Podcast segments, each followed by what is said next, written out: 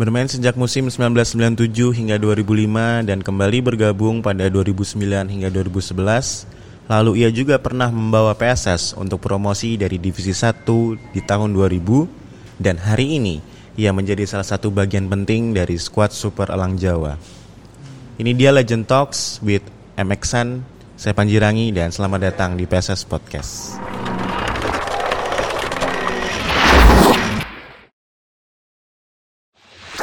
Halo. Halo Mas Manji.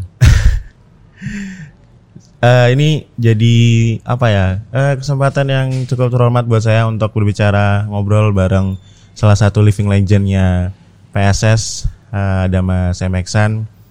Gimana kabarnya Mas Alhamdulillah Emeksan? baik Mas. Baik ya baik walaupun ya. pandemi seperti ini. Iya. Dan Mas Emeksan, uh, kita bakalan ngobrolin soal perjalanan karirnya nih. Iya.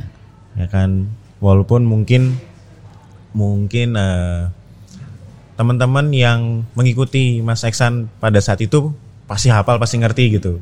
Tapi yang kayak aku Mas Mas Eksan main di tahun 97, aku baru lahir gitu kan, aku yeah. kan kurang ngerti nih. Nah, mungkin di luar sana Sleman fans, adik-adik kita juga pengen ngerti nih secara uh, langsung dari Living Legendnya sendiri soal perjalanan karirnya gitu. Hmm. Nah boleh dong diceritain soal awalnya bergabung uh, bersama PSS gitu. Padahal kan kalau tidak salah juga aslinya malah Kulon Progo gitu. Iya, iya. Uh, mungkin yang pertama saya mungkin ceritakan uh, awal karir saya di bisa bergabung dengan PSS Sleman yang mulanya memang dari saya asli Kulon Progo, -hmm. saya dari Kulon Progo dan dari saya juga dari keluarga ya, sepak bola juga. Dari kakak saya ada uh, empat semuanya juga main bola semua. Dulu di awalnya di kalau di Kulonprogo tim HW HW Kulonprogo dan di situ ada lima bersaudara ya di situ termasuk kakak-kakak saya juga. Dan di situ selama beberapa tahun uh, dan saya masih membela di Persikup. Awalnya Persikup Kulon Progo dari Suratin sampai ke senior. Dan uh, saat itu juga uh, tahun 95 saya uh, ada seleksi prapon di pada saat itu. Uh, seleksi prapon dan dari Kulon Progo juga di ada beberapa pemain 10 termasuk saya untuk seleksi. Ada di situ uh, kalau nggak salah yang melatih almarhum uh, Berse Matua Pelwa kalau dulu dari PSSI mungkin tahu. Hmm. nah itu seleksi uh, 60 berapa? 65 pemain di situ. Awalnya di Stadion Tridadi juga.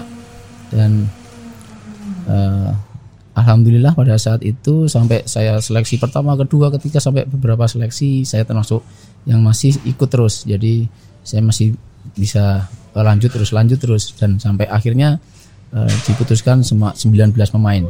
19 pemain dan uh, eh, 19 pemain itu termasuk itu yang uh, apa pemain-pemain yang sudah masuk di liga. Seperti masuk Seto hmm. ada Didi Setiawan yang punya udah punya nama di situ uh, itu langsung bergabung. Jadi ya nggak usah pakai seleksi. Jadi gitu. Jadi emang dari wah ini kayaknya berat sekali gitu loh hmm. mau itu ada beberapa ada tujuh pemain di situ. Langsung masuk dan kita harus bersaing untuk mendapatkan di 19 pemain. Dan alhamdulillah saat itu saya termasuk uh, salah satu pemain satu-satunya dari Kulon Progo yang masuk dari skuad Prapon di tahun 95 itu yang awal cerita ya yang pertama.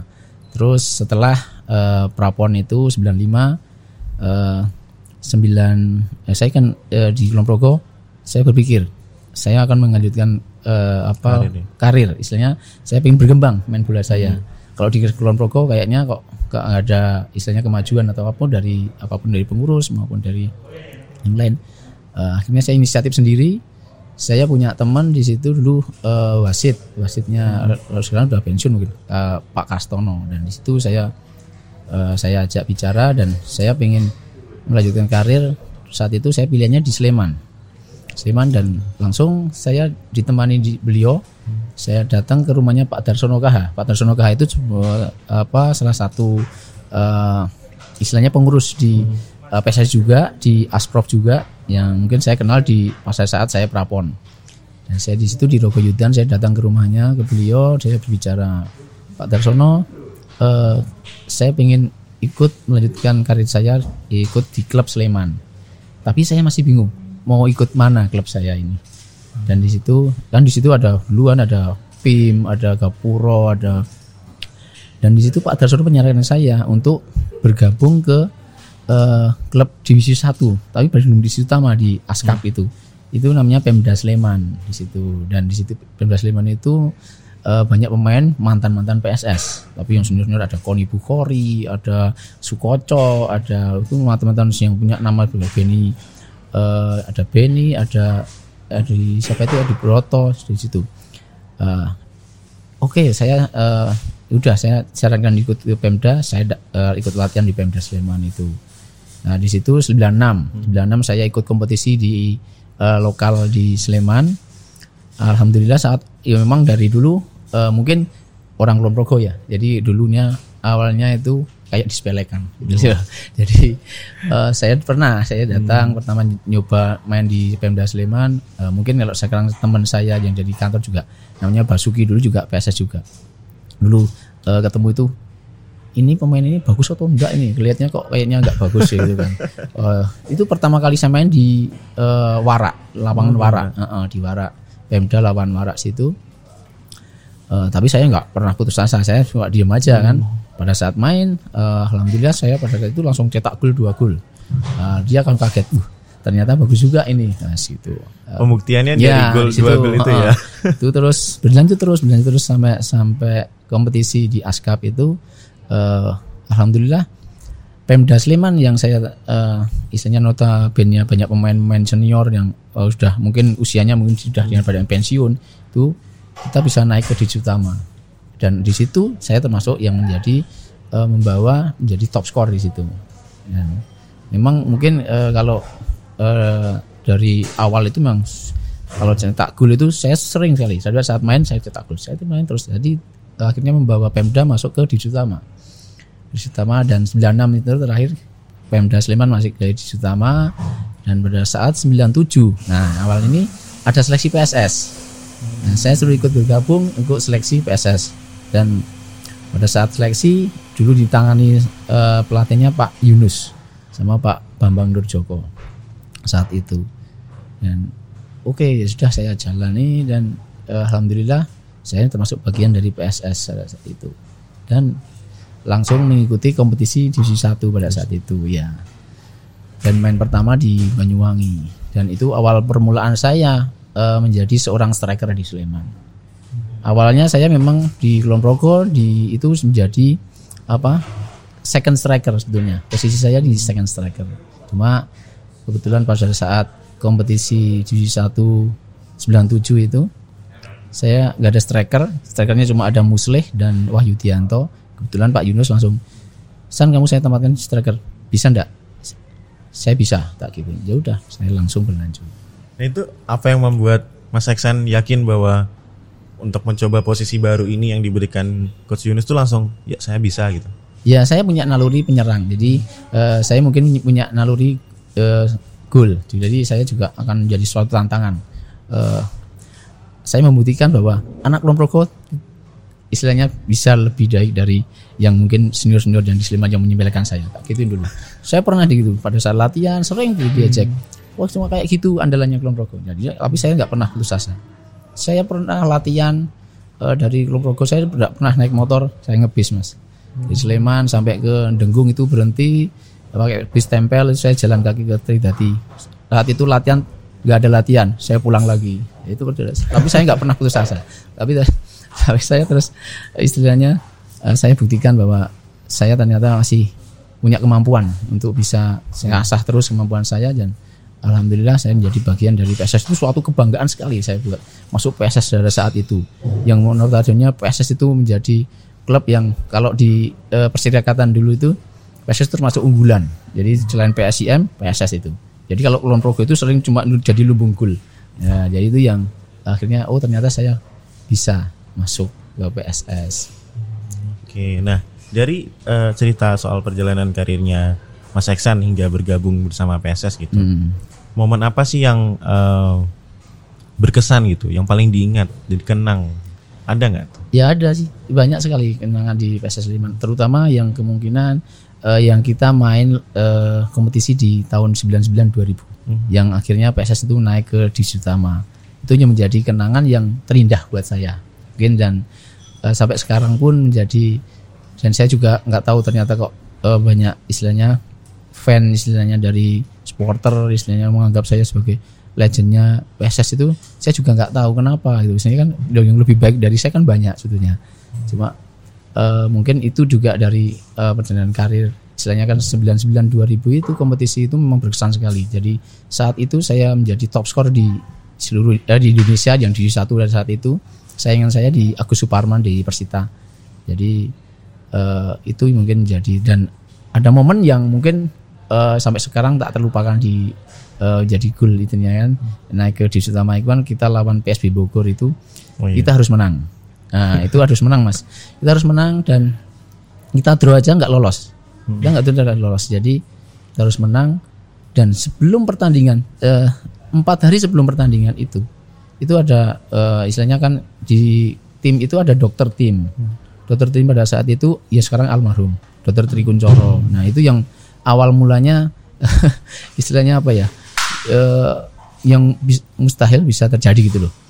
Uh, dokter tim itu uh, rumahnya dekat uh, pesantren di Ringo Kusuman. Nah, dia itu tahu-tahu manggil saya, San, sini. Saya dikasih surat sama kiai saya dekat uh, rumah. Ini, nah terus gimana dok? Ini nanti kamu baca. Ini dari kiai saya itu kamu baca selama tiga hari tiga malam. Ya kan, tiga hari tiga malam Ya, saya kan tanya, loh, ini berapa kali dok? Sebentar. Seka, semalam kamu baca seribu kali suratnya itu. Tidak wow. boleh lebih, lebih, tidak boleh kurang, dan harus benar. Saya kan tanya, eh, itu khasiatnya apa dok kalau saya saya baca itu tiga hari tiga malam? Itu kata kata kata kiai saya, e, kalau kamu dapat bola, lawan nggak lihat. Wah gitu kan. Hmm. Isinya saya isinya saya nggak dapat bola, hmm. nanti dikasih lawan sama bola. Loh, yang penting ya udah dok saya jalani aja dengan ikhlas saya yang penting PSS ini bisa kan udah 8 besar dan kita sudah ada uh, apa mm, untuk bisa naik hmm. ya ada peluang untuk bisa naik dan itu saya baca tiga hari tiga malam seribu kali semalam selama bayangin mas jadi saya sendiri ada apa mas saya habis ngisa habis ngisa sampai jam 11 malam uh. itu saya baca berdua jadi yang baca itu saya sama Muslih, duet striker hmm. saya itu, uh, teman saya itu pakai itu, pakai sedotan apa aqua itu. Jadi sampai 100, 200. Jangan udah tidur. Aduh, tapi saya baca, tapi yang penting PSS bisa naik di utama karena saya harus menang. Kalau hmm. aja nggak lolos. Hmm. Nah, itu akhirnya sampai sebelum pertandingan uh, besok sore, malamnya ini jam satu malam saya dibangunin sama uh, almarhum Mbah Kiti Hmm. Misalnya Mbah itu sesepuh yeah. dan di itu kan sesepuhnya PSS. Saya dibangunin jam satu malam di mes. San, bangun, San bangun. Saya tanya, Loh, siapa ini? Mbah Kiti. Saya kaget. Jam satu malam mas. Hmm. Ayo prihatin, kita mujadan. Jam satu malam kita mujadan di musola, di mes itu, di depan uh, di Belatran gitu. Hmm. Itu saya sampai uh, berapa ya? Berapa orang? Lima kali, ya. lima orang lima pemain kita jalani sampai sampai ngantuk-ngantuk subhanallah subhanallah gitu. jadi yang penting udah kita prihatin yang penting itu bisa menang ya udah istilah jalani sampai akhirnya saat pertandingan uh, kita leading dulu satu gol saya cetak gol habis itu terjadi uh, dibalas satu-satu satu-satu nah, menit terakhir lima menit terakhir dalam bubaran itu posisi saya.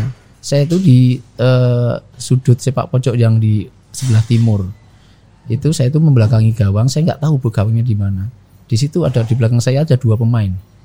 Dua pemain dari sana. Tahu-tahu bola saya dorong ke depan. Saya balik badan pakai kaki kiri. Itu bola tahu masuk di pojok di kanan. Kipernya nggak lihat. Kipernya tahu diem. Masuk. Akhirnya kita menang 2-1 dan itu momen yang mungkin sampai sekarang pun kok bisa masuk gitu loh. Hmm. itu sampai uh, wasitnya yang memimpin pada saat, saat itu Yesayas ya. Yesayas itu sampai Iran. Dia tanya ke Pak Bambang Purjoko pada saat itu itu saya yang Iran golnya kok bisa terjadi? Golnya Eksan itu seperti bisa terjadi seperti itu. Akhirnya mungkin akhirnya gul setan emiksan Iya. itu sebetulnya mungkin misterinya kalau saya sih mungkin uh, uh, masalah yang baca surat itu mungkin sugesti ya. Tapi yang penting itu memang di uh, pertandingan itu kita cuma kerja keras kerja keras ta- tetap bekerja keras dan usaha dengan berdoa dan itu mungkin yang uh, apa yang Allah akan berikan kepada kita gitu loh Dan itu ya akhirnya jadi rumor di eh, buat di masyarakat wah Emeksan nih bisa bikin gol setan gitu. Tapi ya di balik itu semua ternyata ada cerita bahwa memang ya selain latihan terus, usaha Iya. terus, bekerja keras terus, tapi memang harus Iya. diimbangi dengan berdoa. Mm-mm. Dan setelah itu pertandingan partnernya Mas Eksan gimana? ya ya sebenarnya yang penting kita Labas itu lolos dan kita semua bahagia. Dan memang di situ memang tim saat itu itu eh, kompak sekali. Jadi awalnya memang kita tuh nggak diperhitungkan mas. Diperhitungkan maksudnya kan eh, di situ cuma pemain lokal pemain lokal dan kita latihan aja cuma tiga hari tiga kali seminggu itu. Dan sore tok. Jadi eh, dan masalah untuk gaji untuk acara apa apa itu yang finansial nggak pernah kita pikirkan di situ jadi dulu kita main di PSS itu suatu kebanggaan dan pengen meraih hasil yang baik ya. Situ dan ya kita nggak pernah mikirkan masalah eh, uang, gaji itu nggak pernah mikirkan, bonus pun nggak pernah mikirkan. Jadi eh, alhamdulillah di situ kita kompak dan solid dan ya mungkin itulah. Jadi eh, di tim itu memang kita butuh eh, kerja keras dan eh, saling percaya mungkin ya itu yang terjadi. Hmm, Jadi itu bisa dikatakan sebagai kunci kesuksesan Iya. PSS di tahun tersebut. Berhasil promosi dan memang kekompakan dalam tim, chemistry. Walaupun mungkin latihan cuma tiga kali seminggu cuma sore sore terus gitu kan. Mungkin soal finansial juga eh, tidak terlalu dipikirkan. Tapi yang penting ini kebanggaan harus menang dulu gitu kan. Iya. nah Mas Eksan soal eh finansial itu tadi Mas Eksan dulu Mm-mm. eh, setauku pernah digaji hanya 125.000 pada saat itu ya. Iya. Itu Ya, beneran? Beneran. Jadi memang kita naik di situ utama itu saya digaji 125.000 ribu. Dan di situ mungkin gaji yang terbesar itu cuma Jatmiko. Jatmiko itu dari eh, PSIM ditarik ke PSS itu kayaknya cuma 500 ribu. Itu gaji terbesar. Jadi memang ya apa pun itu yang penting kita penting PSS itu naik itu sudah alhamdulillah sekali dan sampai membuat sejarah bisa masuk di utama dan saat itu yang berkesan saya juga menjadi top scorer di situ. Dan perjalanannya juga eh, sebelum 8 besar itu juga ada yang momen yang berkesan lagi. Eh, ketika saya lawan Persiba Balikpapan dari satu pertandingan saya cetak 5 gol. ya jadi 6 peluang yang saya cetakkan 5 masuk satu kena tiang. Nah itu. Jadi ada enam peluang yang lima masuk yang satu kena tiang itu kita menang 6-1 satunya yang cetak kayaknya Musli Oke, Mas Eksan, itu dari prestasi berhasil menjadi top skor, kemudian juga eh, membawa PSS promosi gitu. Mm. Apakah tidak ada tawaran dari klub-klub di luar Sleman gitu yang memberikan tawaran gitu ke Mas Eksan? Banyak sih istilahnya kan setelah saya menjadi top scorer dan bisa naik ke divisi utama itu langsung banyak tawaran di situ. Yang awalnya dari Persib Bandung dari Persibaya tapi saat itu memang eh, kondisinya satu saya bekerja eh, di tahun 98 saya sudah bekerja dan kedua eh, Pak Bobardi sebagai manajer juga tidak mengizinkan saat itu. Jadi saya tidak boleh eh, pergi dari Sleman. Nah, itu menjadi kendala dan saya sudah berpikir ya udah kita saya sudah bekerja saya sudah dimasukin jadi pegawai ya saya harus tanggung jawab di situ. Akhirnya udah saya jalani aja. Mungkin yang memang nasib saya di Sleman saya kan? Istilahnya sampai sekarang pun dan eh, sampai sekarang saya eh, sangat bersyukur sekali. Jadi alhamdulillah sekali eh, tidak semua yang eh, apa seperti saya gitu loh. Saya banyak teman-teman yang mungkin dari misalnya bola juga yang mungkin dulunya gajinya lebih besar dari saya. Cuma saat ini juga dia nggak punya pegangan, misalnya kan punya pekerjaan. Nah itu yang saya yang saya syukuri. Wah alhamdulillah ternyata eh, dulunya apa yang sudah banyak uangnya, tahu-tahu sekarang sudah kesusahan. Kayak kadang kasihan juga teman-teman itu kan banyak yang seangkatan yang eh, misalnya sekarang bingung nyari misalnya dari pelatih akhirnya banyak yang eh, istilahnya ngebel saya terus saya dijadikan asisten pelatih atau apa. Banyak juga seperti itu. Oke. Nah Mas Iksan uh, tadi kan sempat disebutkan bahwa wah kayaknya ini nasib nih untuk berada di Sleman terus gitu sampai bahkan sampai hari ini gitu. Nah, uh, apakah senyaman itu di Sleman buat seorang Mas Eksan gitu? Iya, yes, kalau saya sih nyaman ya untuk saat ini nyaman sekali. Jadi Sleman dan dari sepak bola itu pun saya bisa punya istri, punya rumah. Ya itu sudah memang saya sudah saya syukuri sekali jadi uh, sudah punya pekerjaan istri juga pas pada saat saya main pas uh, naik itu juga dapat istrinya di sepak bola hmm. ya kan ya kebetulan juga adiknya pelatih fisik saat hmm. itu jadi dia pas diajak ke kenalan dan akhirnya jadi istri saya sampai sekarang. Jadi semuanya saya syukuri dan saya nyaman sekali di Sleman. Saya punya uh, istilahnya punya rumah di sini walaupun kecil tapi saya hasil dari uh, sepak bola. Jadi hasil kerja keras saya. Dan memang dari dulu saya tidak akan pernah apa saya punya prinsip saya tidak akan uh, ngerepoti orang tua. Jadi setelah saya lulus kuliah 9 uh, 3 uh, apa 96 dari kuliah di tiga saya punya prinsip jadi saya tidak kalau bisa cari kerja saya tidak akan merepotkan orang tua sini apa pun sampai nikah pun saya membiayai sendiri jadi alhamdulillah semuanya bisa berjalan dengan baik dan lancar sampai sekarang pun okay. ya jika di anak dua hmm. di pekerjaan dan dan ya istilah berjalan lah. Ngalir kalau saya sih ngalir aja. Yang penting uh, istilahnya apa yang kita dapatkan harus kita syukuri. Jadi itu akan nikmat sih mas. Jadi kalau kita cuma eh, nggak uh, pernah mensyukuri apa yang kita dapat pasti akan ngongso wah uh kurang gede duitnya. Ini enggak Oke, jadi ini juga untold story kayaknya. Di luar dan di dalam lapangan kayaknya Mas Eksan sama suksesnya. dan semua balik lagi ya tadi sempat diceritain juga kalau ya banyak andil dari sepak bola karena bertemu istri dan yeah. kemudian bertemu pekerjaan dan lain sebagainya. Dan tadi juga Mas Eksan nyaman bermain di Sleman, nyaman tinggal di Sleman juga. Dan kita juga nyaman untuk ngobrol berbincang di kolektif ini tempat kita lagi ngobrol. Kalian yeah. bisa cek ke Instagram kalian itu @kolektif.id dan ini tempatnya di Jalan Watu Gede nomor 58 Wonorejo Sari Harjo, Kecamatan Ngaglik, Kabupaten Sleman. Kalian bisa main ke sini. Mas Eksan nyaman ya di sini? Alhamdulillah nyaman. Monggo Mas, boleh diminum ya, dulu. Siap. Dari tadi kita ngobrol-ngobrol okay. dulu. Coy. Ini mannya saya masih di ujung sana dulu. Aduh, terima kasih. Oke Mas Eksan, kita lanjut ya, lagi nih siap. berbincang. Uh, dulu waktu bergabung sama PSS, berarti juga tidur di mes kan? Oh iya, tidur di mes. Nah itu dengar-dengar isunya banyak cerita horor. Oh banyak sekali.